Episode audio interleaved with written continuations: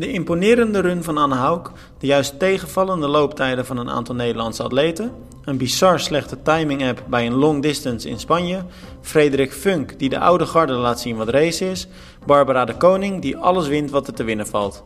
Dit en meer in deze nieuwste aflevering van Triathlon Praat. Hallo Romy. Hey Tim. Vandaag de podcast ASMR doen.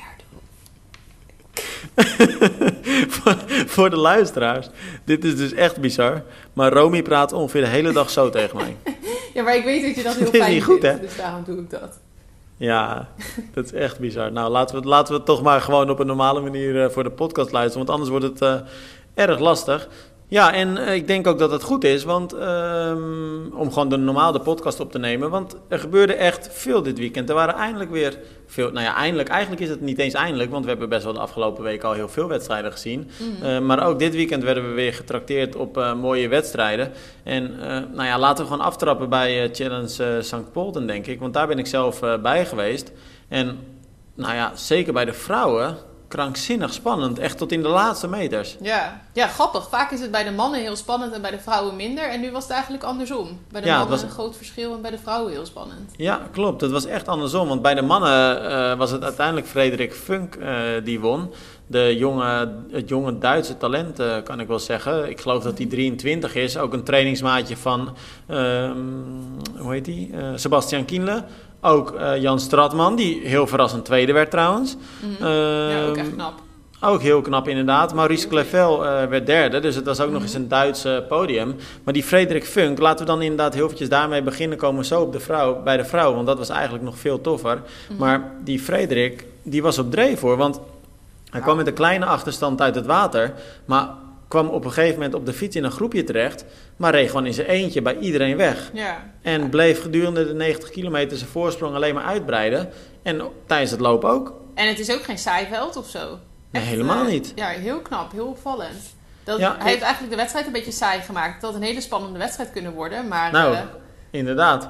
En ik vond het wel interessant, want ik sprak na afloop ehm, met eh, de nummers 1 tot en met 3. En ehm, Frederik zei, weet je wat het is? Ik had eigenlijk ook niet verwacht per se dat ik dit kon. Alleen ik werd zo gestimuleerd door het feit dat ik op kop lag. ja. En, eh, want er was ook een livestream, de Oostenrijkse tv was aanwezig. En hij zei, er vloog de hele tijd een helikopter naast me.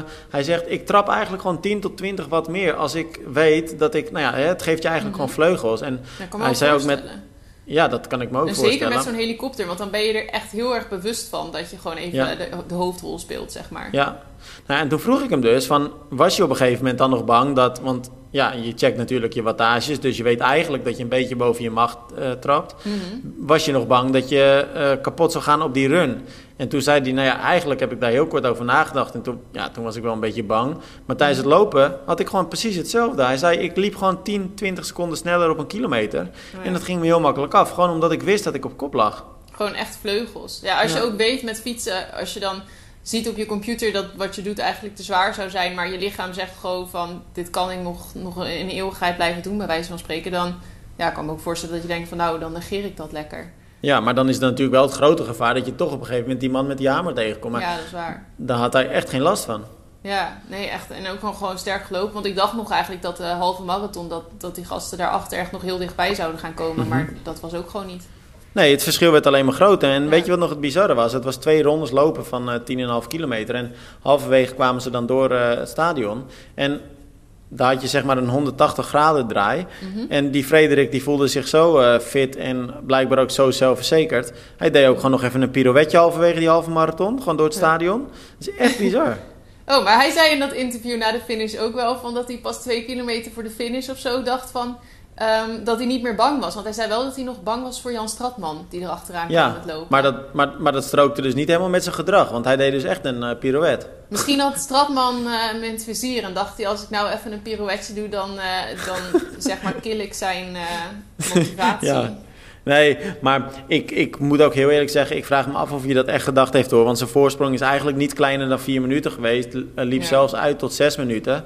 Ja, het moet wel Eh, erg misgaan. Maar goed, hij zei wel dat hij nog even last van zijn maag had. Dus zoiets Ja, zou dan nog voor echt een probleem kunnen zorgen. Maar, Maar toffe, toffe race. eh, Sebastian Kienle ging wel eh, door het ijs. Die zakte door het ijs. Die werd, tien- eh, die werd negende. En ehm, ik was die eh, nummers 1 tot en met 3 aan het interviewen. En eh, op een gegeven moment zag ik Kienle. En die eh, stond huilend in de armen van, eh, van zijn coach. ja, wat erg. Ik miste hem al met fietsen. Ik dacht echt van, wat is er met hem? Ja. Want ja, met fietsen is hij altijd gewoon normaal. al- Dan komt hij natuurlijk ver naar achter het water uit met zwemmen. Maar dan fietst hij snel richting de kop. Of in ieder geval de groep achter de kop. Maar daar zat hij Mhm. gewoon niet in. Nee, nee, nee. Maar ik zat daar eens een beetje over na te denken toen ik daar stond. En ik zat dat schouwspel een beetje aan te kijken. En toen dacht ik, Mhm.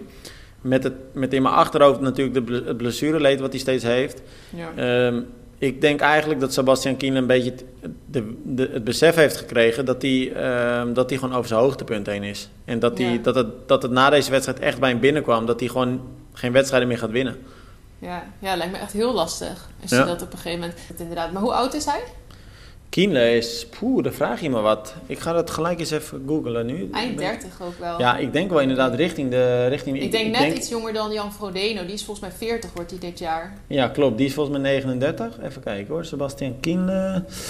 Mm, nou, het valt nog wel mee. Hij, is, eh, hij komt uit 84. Hij is 36. Hij wordt eh, over een maand 37 pas. Ja. Nou ja, als je dan naar Frodeno kijkt, die had dus toen nog wel... Ja, die heeft vorig jaar... Nee, 2019 Hawaii nog gewonnen. Ja, maar volgens mij is het bij Kienle ook niet zozeer de bless- ehm, zijn leeftijd. Hij is volgens mij wat meer blessuregevoelig. En dat Ja, is volgens mij het probleem. En ik heb ook het idee dat dat besef bij hem ook nu heel erg kwam. Volgens mij heeft hij gewoon heel veel pijn weer gehad. En Ja. weet hij nu gewoon dat dat ook niet meer goed gaat. Dat idee heb ik er een beetje bij. En Maar misschien- goed, dat komt natuurlijk ook door leeftijd, hè, die blessures. Als je Ja. ouder wordt, dan wordt het allemaal... eh, het schijnt dat je daar dan overal last van krijgt. Van je rug Ja. en alles. Zag je ook wel aan mijn zweepslag. Ja, nou ja, bij jou beginnen de jaren ook wat te tellen. hey, maar ik had een hele interessante discussie daarover. Hm? Ehm, over leeftijd. Want ik sprak na afloop ook ehm, in het hotel eh, Laura Siddle nog. Eh, nou, zij is natuurlijk een Britse topatlete. Ze werd, Mhm. nou, zij is ook ouder trouwens. Ehm, en zij werd eh, toch nog verrassend vierde dit jaar. Of dit keer in St. Polten. En Mhm. toen had ik het met haar eventjes over dat, nou ja, eigenlijk de wedstrijd bij de mannen. En ze zei dat het zo verrassend was. Ehm, nou ja, dat eh, Frederik Funk had gewonnen. Maar ze zei ook bijvoorbeeld Jan Stratman. Heb ik helemaal nog nooit van gehoord, zei ze. Nou ja, dan snap ik eh, dat zij er nog nooit van gehoord heeft. Dan heeft ze niet Maar- heel goed opgelet, maar... Nee, maar, nou, maar ik snap wel. Kijk, zij is natuurlijk gericht op de long distance. En dan is het niet een Mhm. naam die heel vaak voorbij ziet komen. Zo is het natuurlijk Ja. wel. Eh, Ja, is ook- maar, maar toen zij zei, ik heb het heel erg het idee dat juist nu die jonge atleten heel veel de vruchten plukken van het feit dat er een coronajaar is geweest en dat er vorig jaar geen races zijn geweest. Mhm. Omdat zij dat jaar heel erg gebruikt hebben om specifiek te trainen naar die wedstrijden toe. Terwijl de oude Ja. garde, tussen haakjes, dat jaar eigenlijk heeft aangegrepen om iets meer de teugels te laten vieren en rust te nemen. En Ja. toen dacht ik, dat is best wel een hele interessante benadering. Want ik heb het idee dat dat best wel eens heel goed kan kloppen. Ik denk niet dat het per se leeftijd is. Maar ja, ook wel. Maar ik denk dat het misschien ook is dat de mensen die gewend zijn om vaak wedstrijden heel erg voorin mee te doen, op het podium te staan of zelfs te winnen, dat zij eh, een bepaalde kick zullen kunnen hebben gemist in die coronatijd. Terwijl als je die kick toch al nooit hebt gehad, dan is het misschien minder, is het misschien makkelijker om daar nog hongerig naar te zijn en gemotiveerd te blijven. Maar dat is op zich wel een beetje, dat gaat wel een beetje hand in hand met elkaar, toch? Ja, Want ook- vaak als je jong bent heb je Ja. nog niet dat soort prestaties geleverd. Maar ik denk dat Ja. sowieso dat het coronavirus een hoop atleten, dat er een hoop atleten gesneuveld zijn en dat anderen juist ja, opstaan nu, zeg maar. Ja. Nou, iemand Ik- voor wie dat in ieder geval niet geldt, is eh Anne. Want zij is natuurlijk ook toch wel een van de oudere eh, ja, atletes eigenlijk. En eh, nou natuurlijk ook regerend wereldkampioen op Hawaii in 2019. Eh, ze versloeg toen onder andere Danielle Rief, maar vooral ook Lucy Charles, die ze nog in de slotfase voorbij eh, liep. En Ja. nou ja, er stond eigenlijk gewoon geen maat op haar. Want het was eigenlijk de hele wedstrijd. ehm, en dan hoop ik maar dat ik het goed uitspreek, want dat was ook nog wat. Ehm, ik zei dus Imogen Simmons toen ik er interviewde. Maar toen kon het interview gelijk op stop, want toen zei ze: Het is geen Imogen, het is Imogen. Ehm, ik maar dacht dat het een dus. van je favoriete atleten was. Ja, dat is puur op uiterlijk gebaseerd blijkbaar. maar je kan haar naam niet zeggen. Nee, maar nu dus wel, hè? Ja, oké, goed zo. Weet je wel Maar- je Holly Lawrence zegt dan? Ja, ja, ja, precies zoals jij het nu zegt. ja, goed zo. Holly Lawrence. Holly Laurensen. Lorenzen. maar, maar, ja, maar je moet toch toegeven, eh, Romy, het is toch wel, het is wel een aparte naam. Imogen. Ja, ik ken toevallig iemand die zo heet, dus ik wist hoe je het zegt. Maar anders snap ik dat je het niet kent, inderdaad. Het Nee. is wel een beetje een rare naam. Ja. En ik, ik heb het ook echt drie keer nog verkeerd gezegd, geloof ik, in het interview. En, maar goed, het zal wel. Imogen, maar- dacht ze wel, ach, die stumpert. Ja, ja, waarschijnlijk dacht ze, oh, daar heb je weer zo'n stagiair die een interview probeert. Jezus, geef me normaal iemand. Maar hoe dan ook, ehm, ja, hoe kwam ik er eigenlijk op? Nou ben ik even het hele Ehm, verhaal kwijt. Eh, dat wil... Anne Hawk zo goed liep en dat zij, ehm, denk ik, ook goed liep dan. Maar niet goed Ja. genoeg. Ja, maar wat wilde ik nou zeggen dat zij tegen mij zei? Eh, nou ja, dan... Dan iets eh, over Anne Hawks doorlopen. Ja, dan, nou ja, dat weet ik eventjes niet meer. Laat ik dan even terugkomen op Anne Hauk. Ehm, die dus echt... Oh ja, dat wilde ik zeggen. Imogen eh, Simmons, die was eh, de hele wedstrijd aan de leiding. En ehm, kwam nog wel met iets achterstand uit het water. Maar nam op de fiets gelijk de, de kop. reed weg bij onder andere Lisa Norden. Ehm, En nou ja, eigenlijk net als bij de mannenwedstrijd, haar voorsprong werd alleen maar groter op de fiets. En in de wisselzone had ze uiteindelijk een voorsprong van iets van 3,5 minuut, bijna 4 zelfs. Nou, dan weet je dat het nog spannend gaat worden, want Anne Hauk is natuurlijk echt een ijzersterke loper. Liep dit voorjaar zelfs nog, ik geloof, een 2 of een 33 op een, eh, op een 10. Ehm, Nou, maar toen kwam er ook nog een penalty voor Anne Hauk bij. Net als eh deed er on- Alweer? ongetwijfeld denken aan Daytona inderdaad. Eh, Ja. Kon ze weer een minuut eh, langs de kant gaan zitten, omdat ze een, eh, ja, een soort fout had gemaakt in de wisselzone. Wat had Maar ze dat- dan gedaan eigenlijk? Ja, dat weet ik dus eerlijk gezegd niet. Want eh, toen zij over de finish kwam, eh, wist zij het zelf ook nog vaak? niet. Nee, eh, maar ze, het, het is iets in de vis- wisselzone geweest. Dus ik denk dat ze ja, misschien verkeerd gelopen heeft. Of toch... Te, ja, ik, ik weet het niet, eerlijk gezegd. Ja, gek. Maar ehm, ze baalde er heel erg van. Maar een minuutje stilzitten dus. En ja, toen begon de grote inhaalslag. Een halve marathon lang heeft ze echt eh, keihard lopen pushen. Ze heeft een, een 1 uur 14 uiteindelijk gelopen. 3 minuten 30 per kilometer. En Oh. ja, de laatste 200 meter ging ze nog voorbij aan die Imogen. Die echt alles op alles zette om er nog voorbij, of ja, om er nog voor te blijven. Maar dat, dat tempoverschil was zo groot. Voor een vrouw zo hard. Hard hè? Ja, is echt hard. Ja, dat is echt, nou dat is ook voor een man is dat hard. Ja, nou, ik zag volgens mij had Tristan Olij had hij ook 1.14 gelopen. Ja, dacht klopt. ik dat ik net ergens zag. Ja, klopt. Had 1.14. Die werd... Ja, ehm, Die liep dus ook al heel goed. Die liep ook heel Maar goed en die heeft ook, die heeft ook een, eh, op zich een eh, prima wedstrijd gedraaid. Was zelf een beetje teleurgesteld, want hij hoopte op een eh, top 10 aanvankelijk. Ik sprak hem eh, kort voor de start. Aardige jongen vind ik dat. En eh, rustig is hij Mhm, en ehm, ja, ook wel gewoon down to earth, zeg maar. Maar ehm, dus, nou ja, hij zei het is een prachtige wedstrijd. Ik, hij, vond, hij heeft genoten van het parcours. Maar hij baalde een beetje van, eh, nou ja, van, eh, van zijn uitslag. En eh, hij gaat zich nu richten op een Ironman later deze maand. Dus dan gaan we hem zeker ook weer volgen. Maar die Anna ook, ja, weet je wel, voor Romy echt heel knap. Mhm. Ja, nee, echt bizar knap. En ook gewoon mentaal dat je zo'n achterstand hebt en een penalty. Alleen al die penalty, dat lijkt me zo frustrerend. Dat je dan zo Ja. terugkomt. Ja, Maar nee, zij weet gewoon dat ze zo hard kan lopen. En dat is echt een groot voordeel. Ja, want toen was dat in Daytona, of nee, Miami, dat ze ook Nee, zo Daytona. ver kwam. Maar toen haalden ze het uiteindelijk dan niet, maar nog wel het podium. Toen werd ze tweede of derde, derde volgens mij. Maar dat sloeg toen, ook eh, echt nergens op. Hoeveel mensen ze toen wel niet heeft ingehaald. Nee, zij, is zo, eh, zij loopt zo hard. En ze was natuurlijk enorm gebrand op een overwinning. Want Daytona had ze 100% gewonnen als ze die penalty niet had gekregen. En Challenge Miami, Miami heeft ze, dan dus. ja, ja, Oh, die heeft ze vervolgens... Nee, want die heeft ze toen gemist omdat ze corona had. Oh ja, tuurlijk. Ja. En Oh, toen ja, heeft ze ja. een week in een hotel eh, gezeten. Volgens mij zelfs nog langer. Oh, Ehm, verschrikkelijk. Ja, ja, dat is wel... eh, dus die, die wilde natuurlijk heel graag winnen. En eh, nou ja, ze, ze was ook ontzettend blij. En eh, ja, dat is logisch natuurlijk. Ja. nou leuk. Nou, ik vraag me ook af of de Nederlandse deelnemers die hebben meegedaan aan de Europa Cup in ehm Austin blij zijn. Ik kan het me eerlijk gezegd niet voorstellen. Al kan ik me wel voorstellen dat Eva Cornelissen blij is, want zij werd knap elfde. Ja. Ja, en Barbara de Koning, hè, die won. Ja, daar wilde, ik, daar wilde ik later nog even op terugkomen, want dat is natuurlijk Ja. de Junior eh, Cup. Ja, of nou ja, laten we hem daar anders mee aftrappen, want Dat is een leuker Eh, begin. ja, dat is een leuk... Nou ja, Eva Cornelissen is dus ook echt goed, Ja, vind ik ook echt ook knap. leuk. Elfde. Ja, nee, dat is ook eh, wel goed. Ja.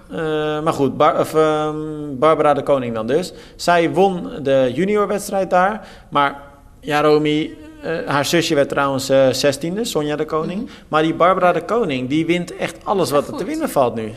Ja, die is echt sterk. Ik ben echt heel benieuwd of zij dat dan kan doortrekken straks ook naar elite. Want dat is natuurlijk Ja. nog wel even wat anders. Maar bij de junioren is zij echt super sterk steeds. Ja, nou ja, wat dat betreft is dat ook wel echt heel fijn. Want dat is ook wel iets wat we kunnen gebruiken, denk ik. Een jonge atlete die ook weer wedstrijden weet te winnen. Ja. En, nou ja, maar dat ze hebben we het... ook eerder niet echt gehad, toch? Denk ik. Want nu heb je veel van die junioren die doorgroeien naar, eh, naar eerst dan ja, naar elite uiteindelijk, zeg maar. Mhm. Waarbij ze er wat minder aan te pas komen. Maar volgens mij waren dat ook geen junioren die dus echt wonnen. Volgens mij is het nu Nee. het eerst dat we echt, ja, sinds Rachel Klamer en zo een Nederlander hebben die dat ook echt wint. Ja, klopt. Maar wat me ook opvalt, zo'n Barbara de Koning, die wint ook best wel ruim. Want ehm, ze pakt gewoon bijvoorbeeld 19 seconden op de eerste achtervolgster. En dat in een sprint, dat is best wel veel. Mhm. Ja, ja, dat is echt wel veel, ja. Dat is echt heel knap. Ik wil eigenlijk eventjes... ehm, ik wil ondertussen eventjes haar, haar tijd opzoeken. Ik ben wel benieuwd wat zij dan eh, loopt. Eh, dan moet jij natuurlijk ondertussen even doorpraten. ASMR. even kijken. Junior woman. Ja, nou ja, wat moet, ik gaan, wat moet ik nu gaan vertellen dan? Nou, ik heb het al voor me staan. Ik heb het al voor me staan. Even kijken, zij- snel, want, eh, Ehm eventjes kijken. 10 minuten 15 gezwommen, 750 meter. 32 minuten gefietst. Echt wel hard. En Ja. 18 minuten 9 gelopen. En dan, heeft ze, en dan heeft ze niet eens... En dan zijn er ook meiden die 17 minuten lopen. ja, en ze is nog een junior ook dan, hè? Precies, en ze is een junior. Want dat brengt me dus eigenlijk bij de elite women. Want wat me daar dus verbaasde, is de looptijd van die Nederlandse meiden. En Eva Cornelissen loopt goed. Die loopt 18 minuten. En wat zei ik net bij Barbara de Koning? 18 minuten 9. Dus zij loopt inderdaad de Mhm. snelste tijd. Maar als we dan bijvoorbeeld naar Kim van het Verlaat kijken. Zij werd 20ste. Mhm. 19 minuten 17. dat is dan echt Eh, wel een verschil. ja, Want en- 19e, dan zat ze dus qua posities niet heel ver daarachter eigenlijk. Nee, en zij werd dan twintigste. Maar als we dan bijvoorbeeld naar Joyce Caro kijken. Zij werd 37ste, liep 19 minuten 40. Oh ja. Dus deze meiden lopen een minuut of meer langzamer dan een junior die de wedstrijd wint. En Ja, dan zegt dat wel veel over Barbara de Koning. Dat dat dus echt wel eh, iemand is die die overstap misschien wel eens beter kan gaan maken. Ja, die heeft gewoon echt nu al veel meer talent dan eh, deze meiden. En dan moeten we natuurlijk wel uitkijken dat dit ook... Een, dit is één wedstrijd, dus we zouden dat eigenlijk Ja. moeten vergelijken op meerdere wedstrijden. Maar Maar ja, het is niet de eerste wedstrijd die ze wint bij de junioren. Nee, maar die, het zou natuurlijk ook kunnen eh, zijn dat deze, eh, nou ja, Joyce en, ehm, hoe heet dat andere meisje? Eva Cornelissen. Nee, Kim van het Verlaat. Mhm. Ehm, nou, ik, weet, ik, ik ken haar eigenlijk niet zo goed. Ik weet ook niet zo heel goed of zij, volgens mij heeft zij ook niet zo heel veel wedstrijden. Ik heb haar volgens mij nog nooit voor in een wedstrijd gezien. Maar dat soort looptijden, 19 minuten, ja, met alle Maar volgens respect. mij deed zij ook nooit echt internationale wedstrijden, denk ik hoor. Dat is- dus misschien is dat ook even wennen. In maar ik denk ook dat je dat, maar met alle respect, ik denk dat je dat ook niet moet doen als je 19 minuten loopt over 5 kilometer. En dat klinkt misschien heel ja, lullig, maar ja, je moet maar het toch, dan moet je echt nog heel veel stappen gaan maken. Want, ja, maar je moet het toch ergens leren. Nou ja, dat ben ik helemaal met je eens, Romy. Maar 19 minuten, maar dat loop ik gewoon in een training, joh. Ja, maar Dat- goed, dat- jij kan ook wel echt goed lopen. Nee, ja, helemaal niet. Dat is natuurlijk onzin. Misschien Nee, ben ik ja, nu te hard hoor. Het- ja, het misschien meer was het gewoon echt een slechte race. Dat het echt een. eh, maar ja, dat vind ik lastig in te schatten. Of dat dan een goede, een goede looptijd is, of dat dat gewoon echt een slechte dag is. Ja, maar als je dan nu kijkt, hè, want dan zit ik echt even te kijken. Want Maar goed, het is echt puur uit de verbazing waaruit ik nu spreek. Want zij loopt dan 19 minuten 17 en Joyce Caro 1940. Maar de snelste looptijden... Even kijken. 1640, hè? niet iedereen Dan kan verlies je op een... Nee, maar dan verlies je dus op een sprint 3 minuten 20 of meer op alleen het lopen. Dat is Ja. veel hoor, Romy. Ja, nee, dat ben ik met je eens. En als je dus in, ondertussen ook nog Maar dan zie je dat dat bent... soort wedstrijden ook gewoon qua niveau, dat dat gewoon ja, niet de meest zwaar bezette wedstrijden zijn dan. Nee, maar dat maakt het dan toch nog erger dat je zoveel verliest op de snelste lopers. Ja. Ja. Maar ja, ja, wat ik net zei, niet iedereen kan winnen. Je, je hebt ook mensen nodig die iets minder hard lopen. Ja, nee, nee, maar dat is helemaal waar. Ehm, alleen, ik, ja, ik zou zelf... eh, ik, ik vind het grote verschillen, laat ik het zo zeggen. Ik ja, nee, niet- dat valt me ook wel Nou ja, ik of- denk vooral dat we Barbara de Koning in de gaten moeten gaan houden. Want ik denk dat het vooral zegt dat zij eh, als junior al een flink tempo weet te lopen. En dat dat wel Ja. ja. veelbelovend zou kunnen zijn. Ja, absoluut. Zij is echt wel een talent. En ik moet ook zeggen, petje af dus voor Eva. Want zij wordt dan ehm, dus eh, Elfde. elfde. En volgens mij, ik, ik weet niet, ik, heb, ik ken haar heel goed uit de eredivisie. En daar is ze ook echt altijd wel goed. Mhm. En altijd sterk voorin. Maar volgens mij heeft zij ook nog niet zo heel veel internationale wedstrijden gedaan. Nee, volgens mij ook helemaal Ehm, niet. Maar Kim nee, dus volgens mij bijvoorbeeld ook niet. En Joyce Caro heb ik volgens mij ook niet echt ehm, eerder bij... Joyce zeker wel. Joyce Ja? zeker. Ja, die, ik weet dat zij een keer in Spanje een wedstrijd heeft gedaan. Hm. Eh, en daar zit trouwens ook nog Marit van den Berg tussen. Die werd 24ste. Maar we moeten trouwens even zeggen dat Eva Cornelissen die werkt niet 11e, maar 12e. Want er, zijn nog, is nog wat eh, verschoven in posities. Dus Kim die werkt dan 20ste wel. Marit van den Berg 27ste en Joyce Caro 37ste. Oké. En dat is inderdaad een heel gedoe steeds met die uitslagen. Want dat, dat is met heel veel. Maar de moeder van Kim van het Verlaat kon het eh, heel goed uitleggen. Want die had op Facebook gereageerd. Ehm, die, ehm, dat komt omdat dan sommige meiden hun chip eh, zijn kwijtgeraakt. Oh.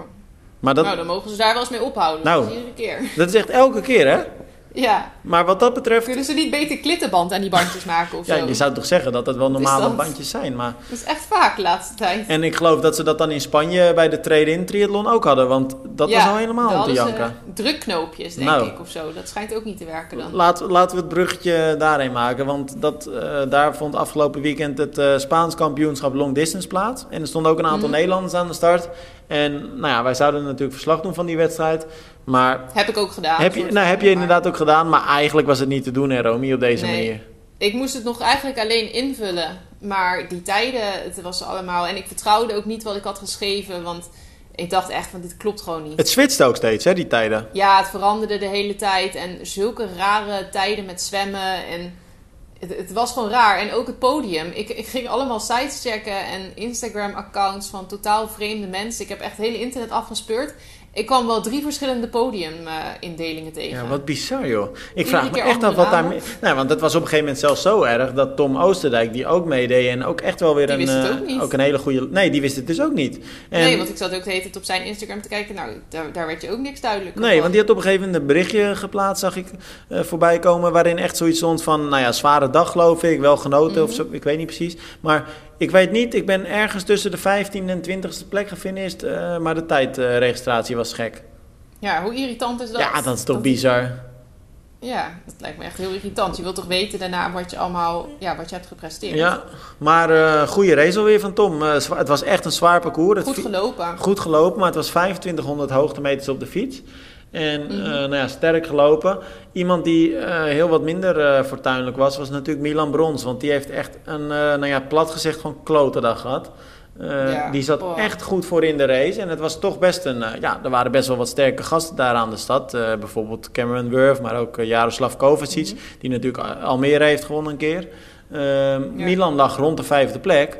Maar ja, hij werd eigenlijk gewoon geschept hè, door een eh, frontaal van voren komende eh, eh, motorrijder. Ja, heel bizar. Ja. Heel raar ook. Ik heb die, Ja. die, die foto's gezien die jij ook online had gezet, want ze werden naar ons doorgestuurd. Maar dat zag er eh, poeh, pijnlijk uit, hè? die schaafwonden allemaal. Ja, ja, dat zag er echt lelijk uit. Toen ik het ook hoorde, dacht ik echt van, oh, verschrikkelijk. Dan voel ik helemaal zo'n gevoel in mijn buik of zo. Dat, dat dan, ja, gewoon dat je wedstrijd, zo'n hele, zijn eerste hele, en dat dan op deze manier je wedstrijd eindigt. Dat is ook gewoon iets doodengs natuurlijk. Ja. Ik weet niet hoe dat precies is gegaan, maar het lijkt me echt doodeng als je tegen een motor aanklapt, Ja. frontaal. Met een fiets. Nou, dan denk ik dat hij nog van geluk mag spreken dat het schaafwonden zijn eigenlijk. Nou, fiets helemaal doormidden las ik. Ja, en dan heeft gelukkig zijn fiets de klap opgevangen en niet hij. Nee, maar ook echt je eerste hele. En natuurlijk, je gezondheid Ja, is het allerbelangrijkste hoor. Dus laat dat helemaal, helemaal eens met wat je zegt. Maar Mhm. ik, ik geloof dan toch dat ik het liever op mijn derde hele heb. Of, of mijn zoveelste dan op je, op je eerste. Waar, je- waar je zo lang voor getraind hebt en naar uitgekeken hebt. Ja, ja, dan is deze manier. Dan heb je denk ik liever dat je gewoon eh, tijdens de marathon totaal door het ijs zakt of zo. Ja. Liever dat dan dit. Nou, Dat heftig. is echt shit. Ja, Ik zit eventjes te kijken. Het was een druk weekend. Maar ik geloof dat wij er wel doorheen zijn voor nu. ja. Nou, het was wel echt een druk weekend inderdaad. Vooral zaterdag. Ja. ik heb aan één stuk door uh, races online gezet. Ja, ja dat uh, het was inderdaad. Uh, jij, jij was natuurlijk, want ik was zaterdag al in St. Polten bezig. Dus jij hebt zaterdag eigenlijk het, het leeuwendeel van het werk verricht. Maar dan was het best wel veel, hè? Elf verslagen volgens mij heb ik getikt. Elf verslagen? Ja, in het weekend neem ik aan dan. Nee, die dag. Op één dag? Ja, maar nou reken ik ook uh, Triathlon Today mee. Oh ja, jij werkt ook nog voor Triathlon Today, hè? Ja, jongen, ik doe veel. Jij bent echt een, een veelvraat. Fucking druk. ik, ik, zit eraan te denken nog een uh, nieuwe website te beginnen. Dan heb je nog meer. Dan kan je twintig verslagen op. Uh, in het Spaans. ben ik een beetje aan het oefenen. maar dat doe ik denk drie uur over één verhaaltje van uh, twee minuten. Nou ja, dus je zegt dat in het Spaans. We hadden laatst nog, en dat vond ik wel leuk, met Bart Jansen. En, de, nou ja, Bart Jansen hoef ik volgens mij ook niet eens meer te introduceren. Want die is natuurlijk in onze podcast geweest. en hebben we ook nog een keer aangehaald, omdat hij met niemand minder dan Jan Frodeno fietste op oh, Zwift. En, uh, maar die heeft ons ook nog even, een, dat was wel leuk, die gaf ons nog eventjes een, um, een um, Spaanse les. Want wij wisten niet helemaal hoe je Girona uitsprak. En um, nou ja, we kregen... het verkeerd. Wat zei je? Nu doe je het dus ja, ik, eh, ik, ik, ik ja, ik dacht, ik, ik doe het dus heel snel, want ik was het nu eigenlijk een beetje vergeten. Nee, maar volgens mij zeg je uh, Girona. Ja, want jij, want jij stuurde dus een filmpje door en dat was toch iets anders eigenlijk, hè? Ja, ik heb het, want ik dacht altijd Girona en toen heb ik het ge-YouTubed en toen zeiden ze ook Girona. Maar ik denk dat het, aan de, dat het ligt aan of het uh, Catalaans is. Ja, want dat wilde ik net zeggen. Want Bart heeft dus in Barcelona gewoond, vertelde die. En het zou kunnen dat het daar misschien anders is. Ja, ja want je hebt ook Girona en je hebt Gerona of zo. Misschien dat het daarin zit. Ja. Maar Bart, dat moet je ons even laten weten. Want we zijn dus nog een beetje in de war. Precies, want ik, ik wilde net zeggen... Bart luistert ongetwijfeld weer. Dus dan zien we het berichtje wel uh, tevoorschijn uh, komen. En uh, wat ik, ik moet zeggen, ik hou altijd wel van dat soort berichtjes. nou, Romy, laten we hem daar gewoon mee afsluiten, toch? Ik zit ondertussen mm -hmm. nog eventjes naar de uitslagenlijsten van St. Polten te kijken. En... Uh, omdat ik een beetje aan jouw reactie net proefde dat je misschien vond dat ik te fel was over de looptijden. Uh, mm. Zo is het helemaal niet bedoeld. Maar als ik nu dus die tijden terugreken, dan zie ik dus dat die snelste dames, Anna Hauk, Imogen Simmons, uh, ja, die twee vooral. Uh, maar ook bijvoorbeeld de Nederlandse Lianne van Nooy, die achtste werd trouwens. Dat hebben we nog niet eens ja. gezegd. Ook netjes. Ja, heel knap. Uh, ja. Marlene, de, Marlene de Boer werd tiende overal en eerste aidsgroeper. Mm -hmm. Want zij start natuurlijk nog steeds als aidsgroeper. Ja, die mag zich wel uh, gaan inschrijven bij de pro's volgende keer. ja, dat was ik dus ook geneigd te denken. Maar als je dan oh. naar de tijden kijkt... Ja, je bent nogal van het rekenen vandaag, dus... Ja, ja nee, maar ik, ik, omdat ik eigenlijk precies hetzelfde dacht als jij. Want Marlene de Boer heeft mm. natuurlijk ontzettend veel talent. Wint nu elke groepwedstrijd waar ze aan meedoet. Maar het ja. verschil met de snelste dames is dan toch nog best wel groot, hoor. Dus het... Ja, maar dat hou je toch ook bij de pro-dames wel in het veld. Er zijn ook andere pro's die dan ja. altijd ver achter ja, zitten. Dus wat dat betreft misstaat ze er denk ik niet. Nee, dat denk ik ook niet, inderdaad. Maar aan de andere kant, ze geven nu dus toch ook nog toe op Lianne van Nooy. Hm. En dan zit ik eventjes te kijken. Nou ja, in ieder geval een hele goede prestatie, dat sowieso. Maar wat ik wilde zeggen, die snelste dames, die lopen dus teruggerekend over een halve marathon sneller dan de Nederlandse dames uh, over vijf kilometer op een sprint. Ja, ja nou dan weten we niet precies hoe, de, hoe het parcours was en zo, maar goed. Nee, ja. maar uh, St. Polten was niet per se het snelste loopparcours. Ja, nee, dat is wel even een ander niveau dan. Maar je wilde niet helemaal aan, hè, Romy? Je bent, je bent, je bent goed van... Uh, je bent wat dat betreft... Ik vind je erg netjes vandaag. Ja, toch? Ja. Ik ben... Nee, jij niet. Nee, ik wil het ja. zeggen. Ik denk dat dan... ik krijg dan in mijn eentje de dreigmails vandaag, denk ik. Ja, nou, dat is ook wel fijn. Ze niet bij mij aan de deur te kloppen.